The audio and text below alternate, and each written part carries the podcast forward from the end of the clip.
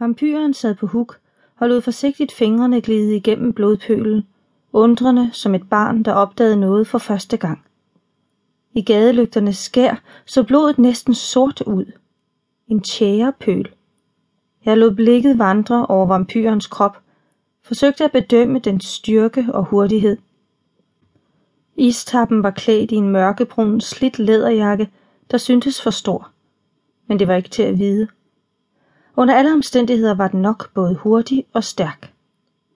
Stille rejste jeg mig fra min position på taget. Et øjeblik stod jeg og balancerede mellem de faste teglsten under fødderne og dybet foran mig. Jeg trak den kølige natteluft dybt ned i lungerne, nød den prikkende fornemmelse i næse og svælg. Spændingen sidrede i kroppen. Adrenalinen pumpede, havde jeg åbnede og lukkede hænderne et par gange og følte længslen efter at komme i gang. Under mig stivnede vampyren, inden den hurtigt kastede et blik til begge sider og rejste sig. Hjertet slog hurtigt i brystet. Så var det nu. Jeg satte af og faldt mod jorden.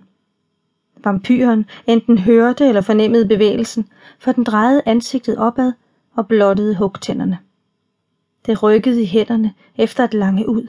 Høre den knasende lyd af tykketøjet, der blev møbleret rundt.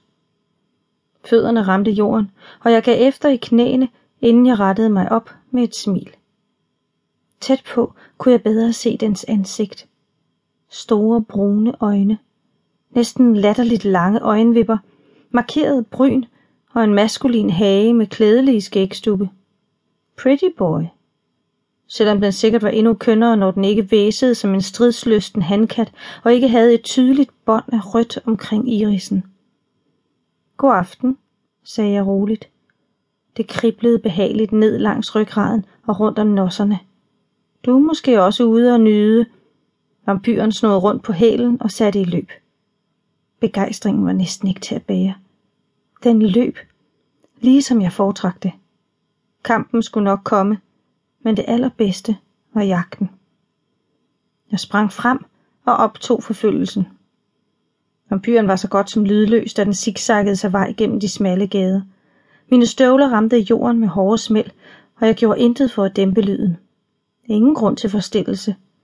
Den vidste, hvem jeg var og hvad jeg ville, og de taktfaste slag var et passende soundtrack. Blodet susede i årene, og jeg nød følelsen af kroppen, levende og viril. Musklernes arbejde, det beherskede åndedræt. Vinden strøg kærtegnen over min kølige hud, og jeg smilede. Livet var vidunderligt. Vampyren sprang op på en container og videre over en mur. Jeg lå. Tilbage lagde den korte afstand med ekstra fart og kastede mig op på den stinkende affaldsbeholder og fortsatte op på muren. Et øjeblik stod jeg stille, tjekkede omgivelserne på den anden side, før jeg satte af og landede på fliserne under mig.